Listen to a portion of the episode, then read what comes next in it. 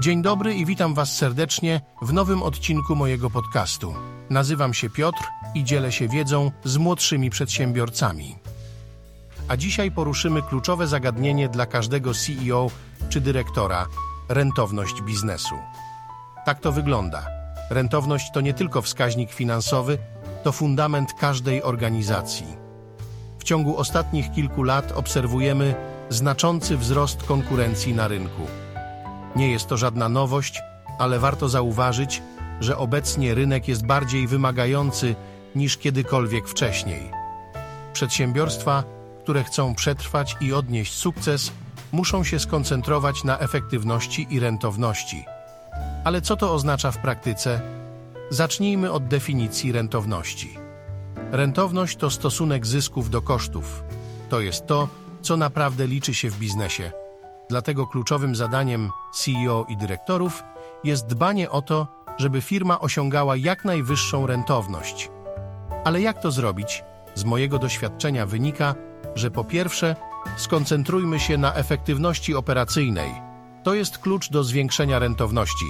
Analizujmy procesy w naszej firmie, szukajmy oszczędności i optymalizacji. Często można znaleźć niewydajne obszary, które można poprawić.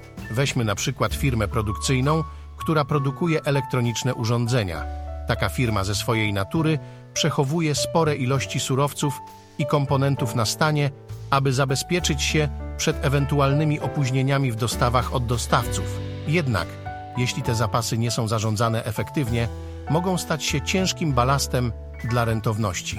Powiedzmy, że firma trzyma zbyt duże ilości surowców na magazynie, ponieważ brakuje precyzyjnego systemu prognozowania zapotrzebowania.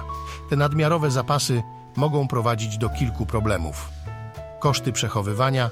Większa ilość surowców na magazynie oznacza wyższe koszty przechowywania, w tym koszty wynajmu magazynów, opłaty za energię, ubezpieczenia i utrzymanie.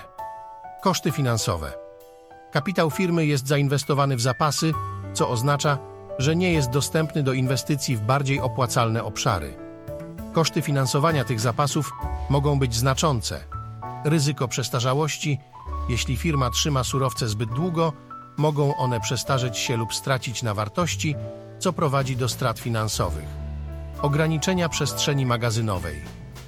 Dlatego zarządzanie zapasami jest kluczowe dla rentowności firmy.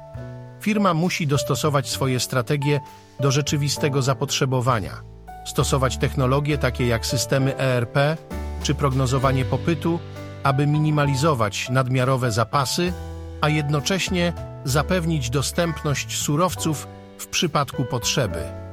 Przypomniała mi się jeszcze mała historia z mojego podwórka.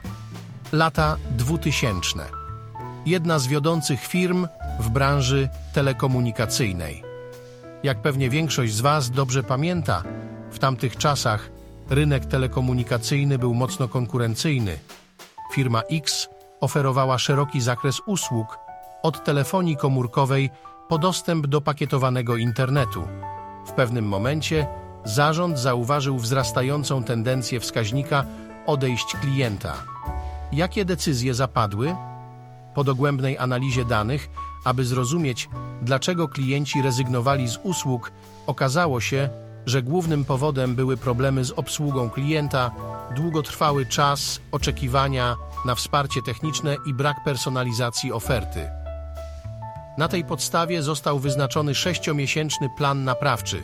Zwiększył się zespół obsługi klienta i skrócony został czas oczekiwania na pomoc techniczną. Ponadto wdrożone zostały nowe aspekty strategii marketingowej, bonusowe pakiety za lojalność w postaci stażu. Zmiana trendu nastąpiła na przestrzeni trzech miesięcy.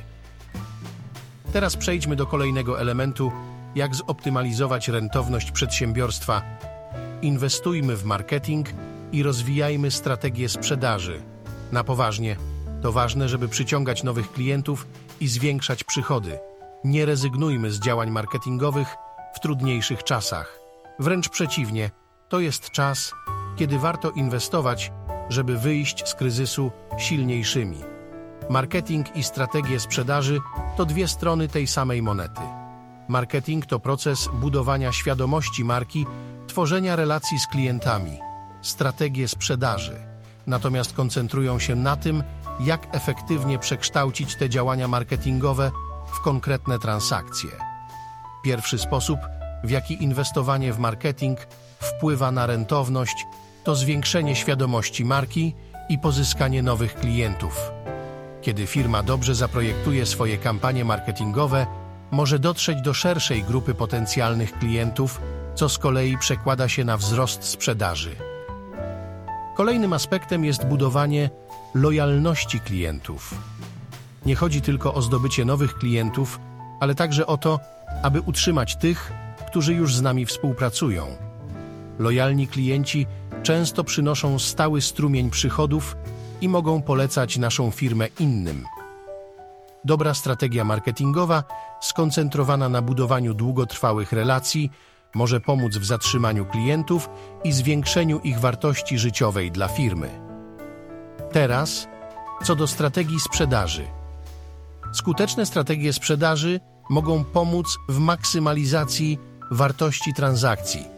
To oznacza, że nie chodzi tylko o zwiększenie liczby sprzedawanych produktów, ale także o zwiększenie wartości każdej pojedynczej transakcji.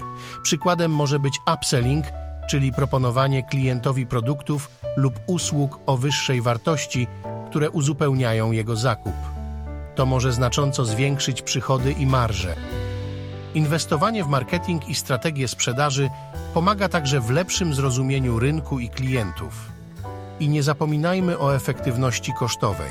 Poprawa efektywności działań marketingowych i sprzedażowych może przyczynić się do obniżenia kosztów, co z kolei wpływa na wzrost rentowności.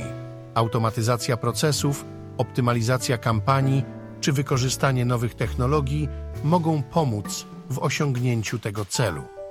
Zmierzamy do końca. Według mnie ostatnim krokiem prorentownościowym to, abyśmy byli elastyczni i otwarci na nowe technologie. Świat się zmienia, a my musimy iść z duchem czasu. Nowe technologie mogą zautomatyzować wiele procesów, co przekłada się na oszczędności i zwiększenie rentowności. Zdolność do skalowania działalności. Firma mogąca dostosować swoją produkcję lub usługi do zmieniającego się popytu zarówno w górę, jak i w dół. Dzięki temu unika się sytuacji, w której posiadanie zbyt dużych zasobów prowadzi do kosztów utrzymania, a zbyt małych zasobów do utraty potencjalnych zysków. Teraz przekształćmy to w przykład. Ponownie przywołam tu przykład firmy Produkcje i Sprzęt Elektroniczny. W okresie świątecznym popyt na ich produkty może znacząco wzrosnąć. Jeśli firma jest elastyczna, może zwiększyć produkcję i zaspokoić ten wzrostowy popyt, co przekłada się na większe przychody. Jednak w okresach mniejszego popytu firma może dostosować produkcję, aby uniknąć nadmiarowych zapasów i kosztów przechowywania. Ale jest jeszcze jedna opcja, w której mniejszy popyt można pięknie stymulować. To otwartość na nowe technologie. Jeśli nie inwestujesz w nowe technologie, zostajesz w tyle. Kropka. Nowe narzędzia, systemy informatyczne, automatyzacja procesów czy analiza danych mogą znacznie zwiększyć efektywność i konkurencyjność firmy. Korzystajcie z CRM-ów, budujcie aplikacje lojalnościowe, ale w rytmie automatyzacji procesów biznesowych. Zawsze z tyłu głowy mam przecież obniżenie kosztów operacyjnych i zwiększenie wydajności pracy. I ostatnie. Analiza, analiza i jeszcze raz analiza danych.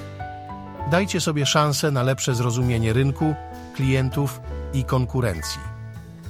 Jestem przekonany, że zdajecie sobie sprawę, że w praktyce każda firma ma swoje własne wyzwania i możliwości.